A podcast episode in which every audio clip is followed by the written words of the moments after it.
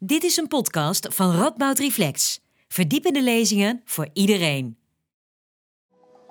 Goedenavond. In deze spooky atmosfeer uh, gaan we het uh, over iets heel spookies hebben. Maar misschien blijkt het na deze avond helemaal niet zo spooky te zijn. Want we gaan het namelijk over UFO's uh, hebben. En dat gaan we doen met uh, twee korte lezingen. Ten eerste Tere Smedes. Hij is godsdienstfilosoof en theoloog en docent systematische theologie. Um, aan onze faculteit. Hij zal een algemeen verhaal houden over waar hebben we het eigenlijk over als we het over UFO's hebben. En dat wordt gevolgd door een korte inleiding, even korte inleiding van Arjan Sterke. hij is een promovendus in de religiewetenschappen aan onze faculteit. En hij specialiseert zich in folklore en nieuwe religies. Um, na die lezingen zullen we kort in discussie gaan. Uh, geheel tegen de uh, gewoonte van Radboud Reflex is er daarna geen gelegenheid om voor het publiek om met de sprekers in discussie te gaan. Maar dat is niet erg, want na afloop kunnen jullie naar de expo, uh, naar doordenken. En daar zullen de twee sprekers beschikbaar zijn voor verder gesprek en discussie. Warm aanbevolen om, dat, om dat te doen. De verzwegen premisse, en bij deze niet meer verzwegen premisse, is wel dat jullie zo snel mogelijk de zaal verlaten na afloop van de lezing, zodat de volgende groep mensen erin kan komen. Dus ook als je hierna nog bij een lezing komt, graag eerst even wat drinken of zo en dan weer terugkomen voor een ordelijk verloop. En dan is het nu denk ik tijd om, nadat ik mezelf heb voorgesteld, ik ben Kees Leijners, ik ben filosoof aan deze faculteit. dan is het nu tijd om de twee sprekers op te beamen. Waar zijn ze? Daar zijn ze.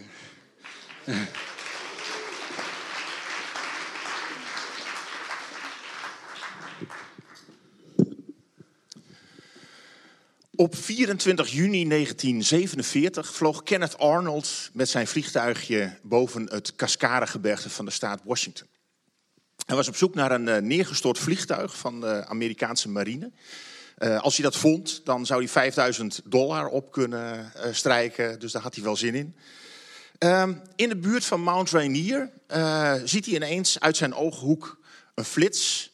En als je nog eens wat beter kijkt, ziet hij daar ineens negen objecten um, zeg maar boemerangvormige objecten door de lucht vliegen.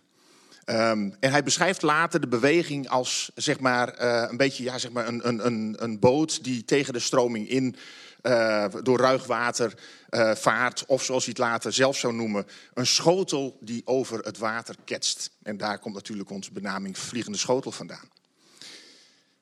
Twee weken later stort er bij Roswell, New Mexico, een object neer. Um, waarvan de brokstukken de, op een ochtend door een lokale boer gevonden worden. Um, hij was verbluft over de vreemde materialen die hij daar zag. En hij belde naar een legerbasis die, die, die daar vlakbij was. Het was in de buurt van de, van de, van de, ja, zeg maar de, de, de gebieden waar ook atoomproeven gedaan werden. En de militairen kwamen polshoog te nemen. En diezelfde middag was er nog in de lokale krant te lezen dat de Amerikaanse militairen een vliegende schotel hadden bemachtigd. De volgende ochtend werd dat bericht direct uh, ver verbeterd, uh, volgens, de volgens de militairen. Uh, er was een weerballon neergestort. Nou, in de loop der tijd zijn er nog een stuk wat verklaringen voor gegeven door de Amerikaanse overheid.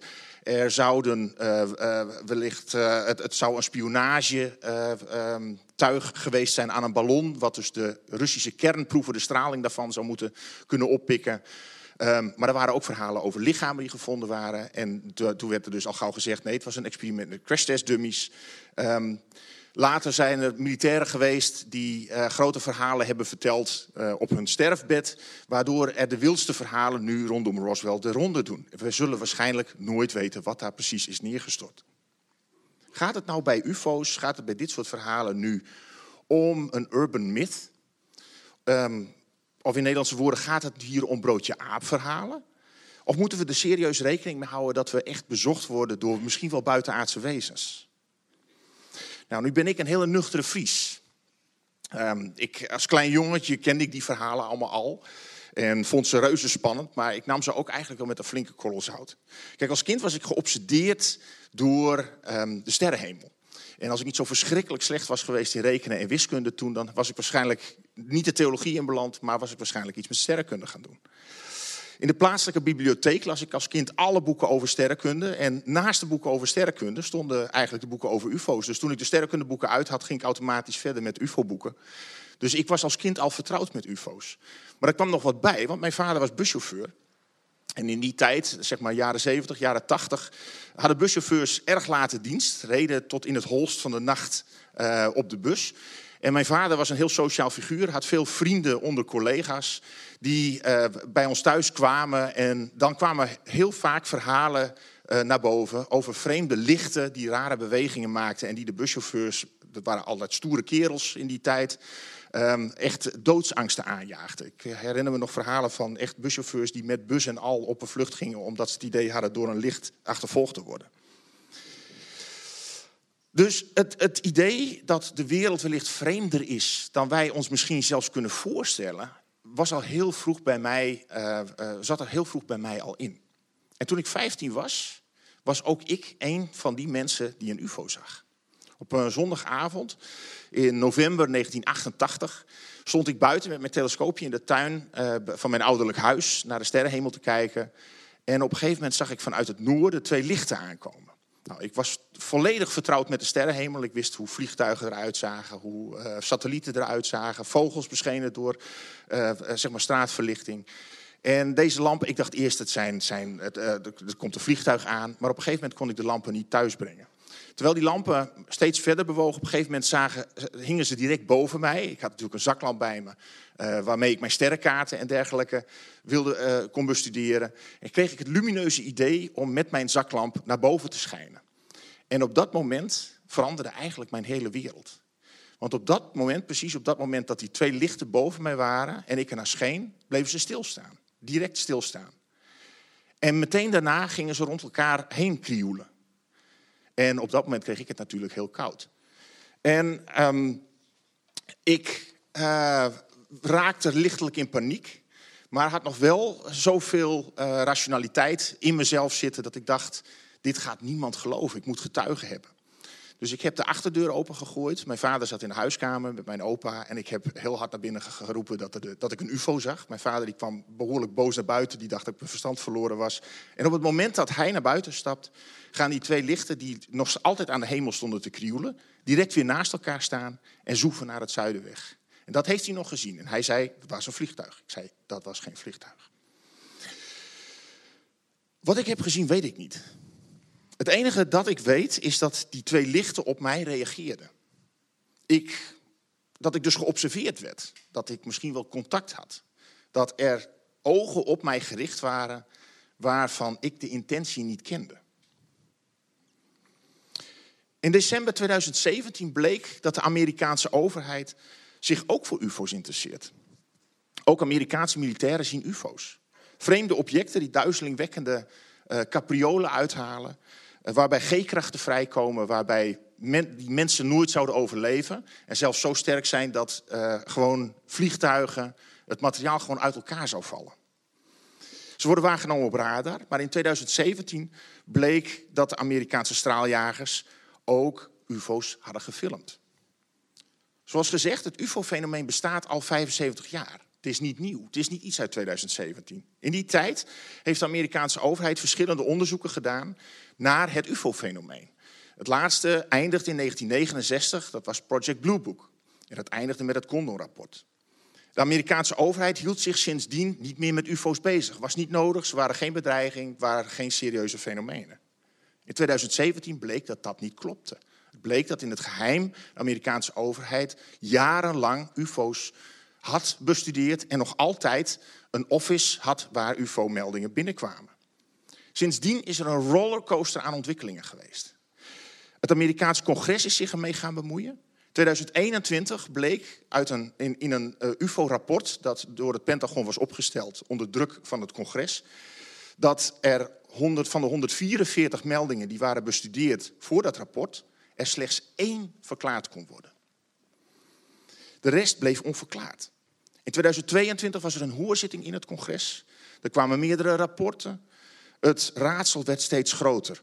Momenteel heeft het Pentagon een groot onderzoeksbureau, genoemd ARO, de Anomalous uh, All Domain Anomaly Resolution Office, die zich dus met UFO's bezighoudt. Het woord UFO is verouderd, zo blijkt. UFO staat voor ongeïdentificeerd vliegend object. Maar het blijkt dat UFO's niet altijd vliegen.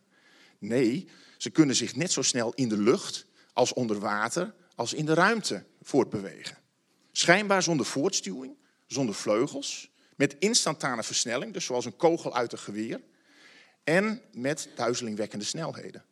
Ze worden met het blote oog gezien, ze worden op radar waargenomen, en dat al 70 jaar lang. De laatste ontwikkelingen zijn dat er volgende maand in de Senaat waarschijnlijk een hoorzitting weer zal zijn over UFO's. De Amerikaanse overheid wil de onderste steen nu boven krijgen. In 2022 kondigde de NASA aan dat ze ook UFO's gaan bestuderen. dit jaar, in juni, worden daar de eerste resultaten van verwacht. Harvard University heeft het Galileo-project onder leiding van de astrofysicus Avi Loeb. Dat UFO's bestudeert met onder andere aardse telescopen. Vermoedelijk wordt daar in oktober de eerste resultaten van verwacht.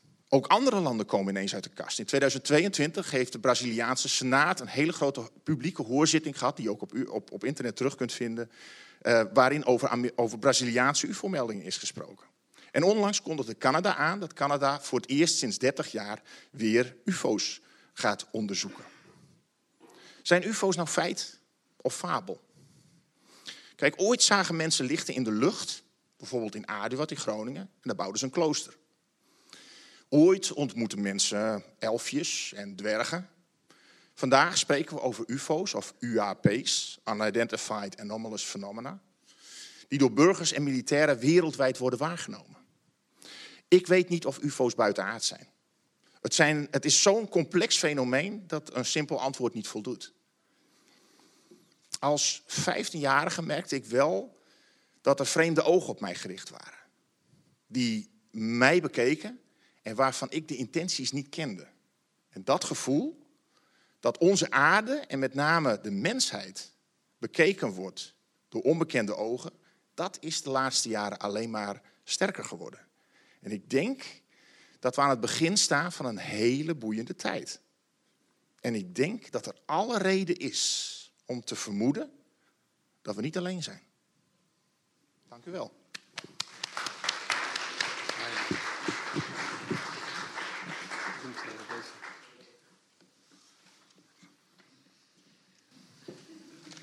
Van de UFO's naar de aliens. Beste mensen, op 1 augustus 2022 is Ans Hoornweg overleden. Zij zou zelf wat commentaar hebben op die term overleden, want zij sprak liever over hemelen. Ans Hoornweg ging namelijk niet dood. Ans Hoornweg ging terug naar de plek waar zij vandaan kwam, de planeet Laborax.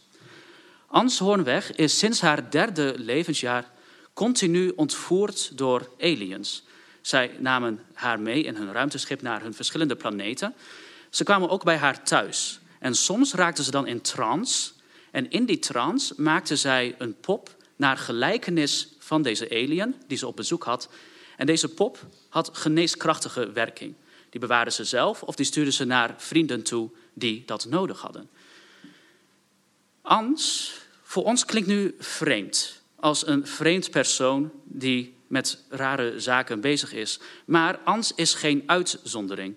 Als we kijken naar mensen die ervaringen hebben met aliens, komen veel vaker dit soort verhalen tegen. Een verhaal wat ook heel erg breekt met het standaard idee wat wij van aliens hebben. De alien als de ultieme vijand, als de ultieme kwaadaardige kracht.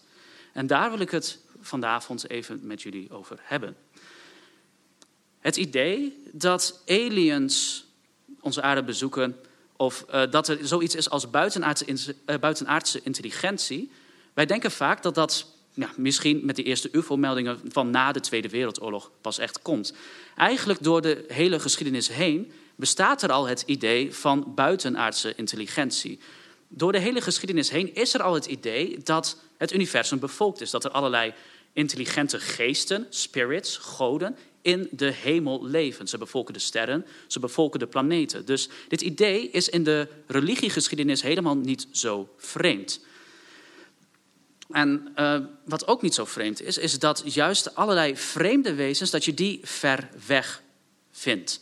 Denk bijvoorbeeld alleen maar aan al die middeleeuwse vroegmoderne kaarten, waar in de zee, uh, zeker de zee ver weg van het land, vind je allerlei vreemde monsters. In, uh, vooral ver in Azië en in Afrika vind je allerlei draken, dwergen, vreemde mensachtige wezens met vleugels, of mensen die uit één been bestaan met een gezicht op de knie, enzovoorts, enzovoorts. Het idee dat het vreemde, het vreemde intelligentie ver weg ergens op de aarde is, is helemaal niet zo'n vreemd idee. Echter, Tegenwoordig hebben we een probleem.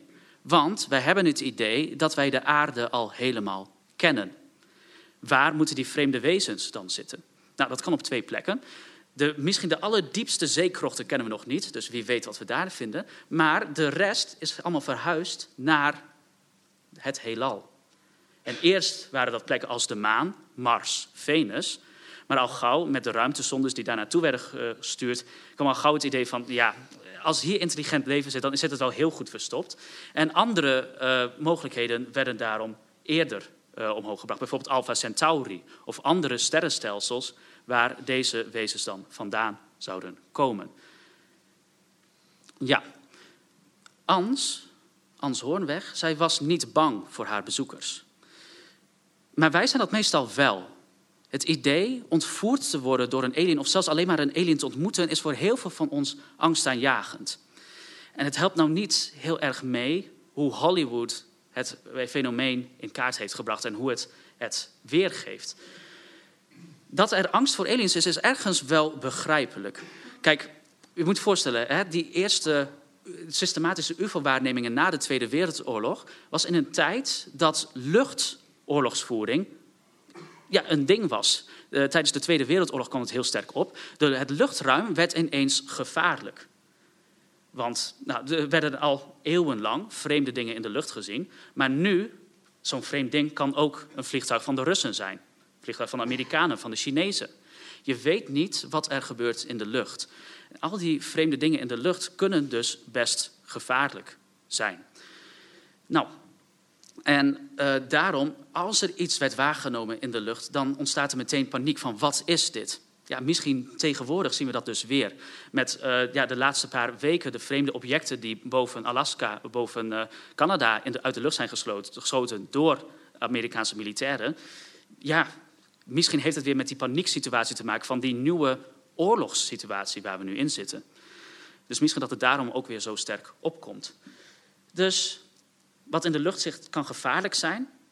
En als het de Russen niet zijn, als het de Chinezen niet zijn, ja, wat weten we eigenlijk over die aliens? Zijn die goed gezind tegen ons?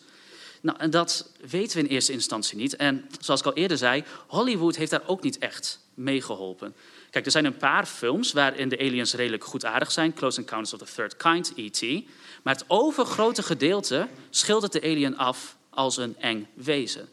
En Hollywood maakt daar ook vaak gebruik van uh, de uh, ontvoeringservaringen die mensen beschrijven, maar ze maken daar een heel beperkt gebruik van. Ballard heeft uh, zo'n acht punten beschreven van ja, acht punten die in elke ontvoeringservaring zo'n beetje tegenkomt. En Hollywood gebruikt voornamelijk de eerste twee daarvan. De zogenaamde vangst. Dat betekent ja, de, dat degene die ontvoerd gaat worden, die raakt bijvoorbeeld verlamd in het bed. De aliens komen binnen en slepen deze persoon aan boord van het ruimteschip of de UFO. En nog angstaanjagender en veel traumatischer, de medische keuring. Waarbij er een hele grote groep wees, de, de verlamde persoon ligt op een uh, operatietafel, staat een hele groep angstaanjagende wezens omheen. Die alle lichaamsgaten volstoppen met allerlei rare metalen objecten. Uh, de mensen opensnijden, allemaal rare dingen uh, doen, zonder dat er verdoving is angstaanjagend en traumatiserend. Echter, nu komt het vreemde. Hier houdt de ervaring niet op. Als je kijkt naar de beschrijving die mensen geven, is dit slechts het begin. Want daarna gebeuren er ineens heel veel andere rare dingen die veel wonderbaarlijker zijn. Er is een gesprek met de ontvoerders. Uh, er wordt een rondleiding door het schip gegeven. Het schip gaat naar een of andere heel vreemde, bijzondere plek. Dat kan een andere planeet zijn, dat kan een andere plek op aarde zijn, dat kan zelfs een reis door de geest zijn van degene die ontvoerd is. En, nog het meest bijzondere, bijna aan het eind van de ervaring is er ontmoeting met een goddelijk wezen, een theofanie. En dit goddelijk wezen, of dit goddelijk aandoend wezen, geeft een boodschap mee voor de persoon, voor mensen uh, in de kring van de persoon, of misschien zelfs voor de hele planeet. Daarna wordt de persoon weer afgezet op de plek waar hij, hij of zij vandaan is gehaald en vergeet het hele gebeuren. Ja, wij maken mensen heel vaak belachelijk om deze ervaringen die zij hebben. Of van, oh ja, jij bent uh, ontvoerd door groene marsmannetjes, enzovoort, enzovoort. Maar mensen, mensen die deze ervaringen hebben, die zitten er zelf heel vaak mee. Ze weten eigenlijk niet wat er gaande is. Want het vreemde is ook, de ontvoerders identificeren zich meestal niet als aliens. Dus komen ze wel uit de ruimte. Dat blijkt helemaal niet uit de ervaringen die mensen vertellen. En die, de ervaring is ook zo dubbelzinnig met dat hele traumatische begin, maar ook met die goddelijke openbaring die aan het eind komt. En allerlei hele extreme emoties daar allemaal tussenin. En wat dat betreft is de ervaring misschien heel sterk te vergelijken met allerlei mystieke ervaringen die we vinden, bijvoorbeeld in laat-middeleeuws Europa. Ook het ontmoeten van de engel van God. Kijk, wij vinden God allemaal heel plezierig vaak. Of, nou, niet iedereen, maar. Um, is ook heel vaak het idee, God is goed, dus dat het moet een plezierige ontmoeting zijn. Maar God is tegelijkertijd heel krachtig en heerst over het universum. En kan jou in één vaag laten verdwijnen, laten doodgaan. Dus is God wel zo prettig? Is de ontmoeting van, met de engel van God wel zo prettig? Nou, niet altijd in al deze uh, middeleeuwse mystieke teksten. En nou, hetzelfde dus voor deze UFO-ervaring, deze ontvoeringservaring. Dat is ook een heel ambiguë ervaring met hele, uh, hele extreme van negatieve en positieve emoties. Zoals Rudolf Otto beschreef, mysterium tremendum et fascinans. Het fascinerende maar verschrikkelijke mysterie wat het ontmoeten van God is. Ans Hoornweg is gaan hemelen. Ans Hoornweg is nu op de planeet Laborax en heeft jarenlang de boodschappen doorgegeven aan de mensheid die de aliens ons wilden vertellen. En die aliens die lijken in eerste instantie heel veel goeds met ons voor te hebben. Ze waarschuwen ons tegen het gebruik van atoomwapens. Ze waarschuwen ons uh, dat we moeten zorgen voor ons milieu, voor de aarde waar we op leven. En tegelijkertijd vertellen ze ook dat ze ons willen helpen in onze spirituele ontwikkeling. Zij willen ervoor zorgen dat wij op een hoger veld komen, een hogere spirituele ontwikkeling doorgaan. Daar willen zij ons mee helpen. Een idee wat we ook vinden binnen de theosofie. Ans Hoornweg is gaan hemelen, woont nu op planeet Laborax, maar wie weet komt zij ons ook ooit eens bezoeken om ons deze wijsheid allemaal te vertellen. Dank u wel.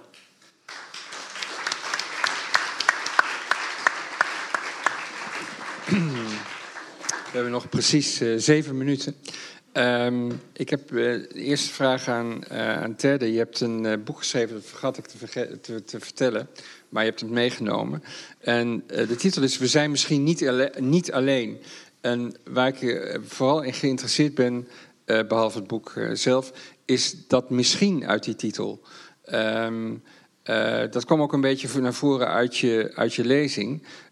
Hoe, hoe, maak je de stap van deze uh, unidentified flying objects, ik heb nu gehoord, die mogen we zo niet meer noemen, um, um, naar het feit dat daar intelligentie, dat daar regie, dat daar iets achter zit, een macht achter zit, zoals jij dat hebt beschreven in je ervaring. Hoe maak je die stap naar, naar dat misschien? Ja, het misschien is, eh, dat was eigenlijk, um, kijk, wat ik in het boek en wat ik ook vanavond heb benadrukt, is dat ik dus niet weet of het hier om buitenaards bezoek gaat. Mm. Dus de vraag is, en dat heeft ook Arjen terecht gezegd, van ja, uh, ook de, de, zeg maar de ontvoeringsverhalen die mensen hebben, daarvan wordt vaak gezegd, ja, dat zijn buitenaardse. Uh, die interpretatie leggen wij er al gauw op. Maar het blijkt inderdaad dat mensen die zelf zeggen ontvoerd te zijn, die maken zelf die link heel vaak niet die weten niet waar die wezens vandaan komen, waar ze uh, een ontmoeting mee hebben of die hen hebben meegenomen.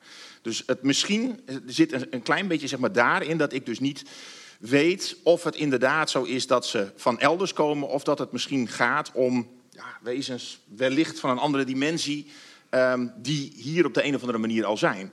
Waar, het, um, waar ik uiteindelijk het idee van krijg van er is echt veel meer aan de hand. Dat heeft ermee te maken dat, kijk, vaak wordt er, wordt er de verklaringen naar boven uh, gehaald van ja, het zou wellicht Chinese drones zijn. Uh, het, het, het, of misschien van Korea, of misschien uit Iran, of noem maar op. Um, de, de, de, kwestie is, dit is een fenomeen wat er al 75 jaar is. Wat al zelfs al veel ouder is. In de Tweede Wereldoorlog werden Foo Fighters gezien. Uh, door zowel geallieerden als door Duitse uh, uh, piloten.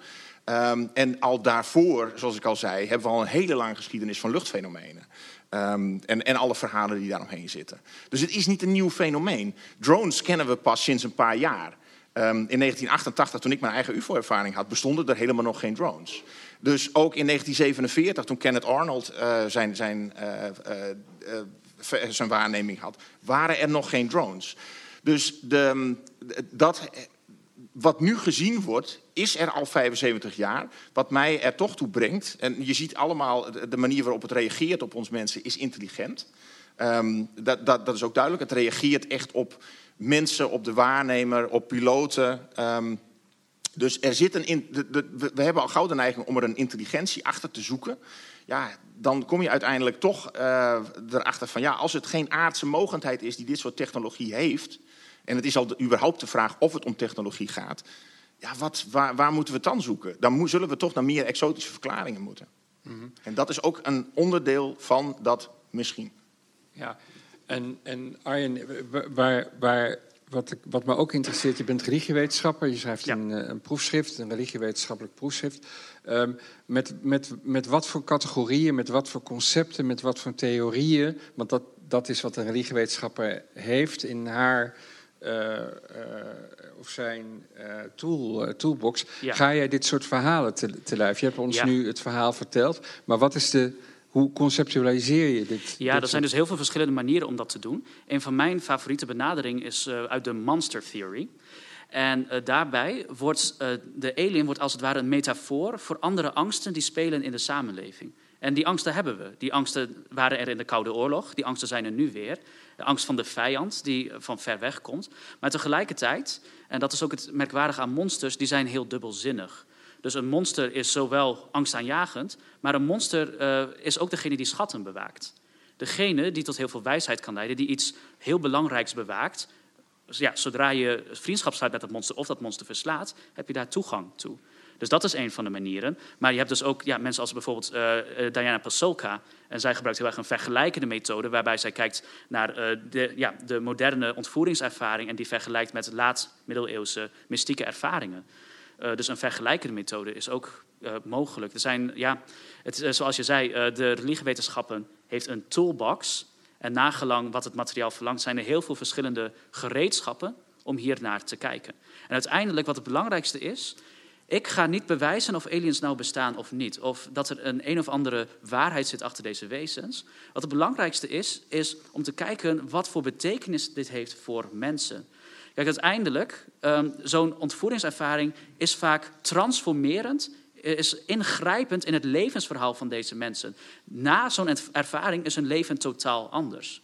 En dat is het fascinerende. Die betekenis die mensen geven aan zo'n ervaring, daar moeten wij het als religiewetenschappen mee doen. -hmm. En als je nou die, die vergelijkende uh, methode waar je het over hebt, uh, als je die nu gebruikt. Um, uh, en, en jullie, jullie, hebben allebei daarop een beetje gezinspeeld in jullie verhalen. Uh, van je zegt het is 75 jaar oud. Uh, maar eigenlijk is het ouder. Hè? Ja. Dus het idee dat je dingen in de lucht ziet. En, en je zegt, de, vroeger werd er dan een klooster neergezet en zo. Ja. Um, als, je, als, je, als je er zo naar kijkt, is dan de UFO-ervaring, is dat de moderne ervaring van het heilige of zo? Of hoe, hoe, hoe, hoe moet ik dat zien? Nou, ergens wel. In elk geval, wat mij betreft, zit daar iets uh, bovennatuurlijks in. Um, ik ken heel veel verhalen uit de middeleeuwen en ja, eigenlijk tot in de vroeg 20e eeuw. Waarbij als er lichten in de lucht werden gezien, werd dat een uh, relatie gelegd met het vagevuur. Ontsnapte zielen uit het vagevuur die terugkwamen op aarde. Of juist als een teken dat iemand binnenkort gaat sterven. En dat de ziel alvast naar het vagevuur gaat. Dus uh, de betekenis is wat dat betreft veranderd. Ehm, of in elk geval, er wordt iets vreemds in de lucht waargenomen. Dat wordt al heel lang gedaan. En dat krijgt dus, ja, vroeger heeft dat een heel sterke religieuze significantie gekregen. Denk bijvoorbeeld aan de ster die de geboorte van Jezus aanwijst. Daar gebeurt ook iets spectaculairs in de lucht. Ja, en eh, nu krijgt dat gewoon een heel andere betekenis. Een betekenis niet van dreiging, maar juist voor sommige mensen ook een betekenis van spirituele redding. Ja, wat, is wat zijn jouw gedachten daarover, Thierry? Ja, dat, dat, dat idee van dreiging, dat is natuurlijk ook iets wat, wat ons eigenlijk door die militairen, uh, met name door de Amerikaanse overheid, zeg maar, een beetje wordt, uh, wordt, wordt opgelegd. Um, omdat ze ook spreken van een threat narrative.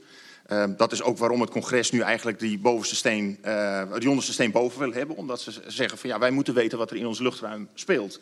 Want alles wat er zeg maar in dat luchtruim rondzweeft, waar wij geen controle over hebben, is per definitie uh, militairen een threat. Nou, dat geeft natuurlijk het idee dat wij uh, op een of andere manier worden aangevallen of dat een invasie aanstaande is. Dat is absoluut niet aan de orde. Um, dus dat, dat, dat is wel iets wat er nog bij komt. En wat er, wat er natuurlijk ook meespeelt, is dat het waar je in 1947 um, in eerste instantie een beweging ziet dat um, UFO's door de Amerikaanse overheid en door de militairen in eerste instantie niet zo heel serieus werden genomen. Die vonden dat, die, die, uiteindelijk hebben ze dat wel meer serieus genomen. Maar wat je ziet is, het in eerste instantie zijn het de burgers die vragen van, ja, wij willen weten wat wij in ons luchtruim zien. Wat zijn de dingen die wij zien? Zijn die van jullie afkomstig, uh, zeg maar legerbazen, of zijn die van een andere, zijn die van de Russen afkomstig? Dat was Koude, Koude Oorlog natuurlijk. Um, wat je nu ziet gebeuren is eigenlijk een soort omdraaiing. Dat eigenlijk de militairen nu het hele UFO-fenomeen eigenlijk nu kapen. En zeggen van, eigenlijk UFO's zijn eigenlijk alleen serieus te nemen op het moment dat we ze met sensoren zien. Uh, of het moment dat we door um, uh, zeg maar militairen dat ze worden waargenomen. Um, en daar zit volgens mij wel een dreiging in. In dat opzicht dat het, hele UFO-verhaal ineens een heel militair karakter krijgt. Um, en uh, op, opnieuw een soort dreiging krijgt. Dus eigenlijk de verhalen die dus de burgers nu vertellen van de zaken die zij zien, worden nu niet meer serieus genomen. Want die burgers hebben niet die technologie die Amerikaanse militairen hebben. Ja, en dat heeft, een, dat heeft ook Pazulka bijvoorbeeld in een artikel heeft ze dat beschreven. Dat heeft op zich weer een hele eigen dreiging uh, in zich. Namelijk dat echt militairen het hele UFO-narratief gaan overnemen. En het dan ook kunnen controleren. En dan eigenlijk, zoals dat het eigenlijk vanaf uh, 1947 eigenlijk gegaan is. Ja, het dan ook grotendeels weg kunnen stoppen. Um, naar gebieden waar wij als gewone burgers geen toegang meer toe hebben. Ja, oké. We moeten stoppen. Uh, groot applaus voor deze twee sprekers. Dank jullie wel.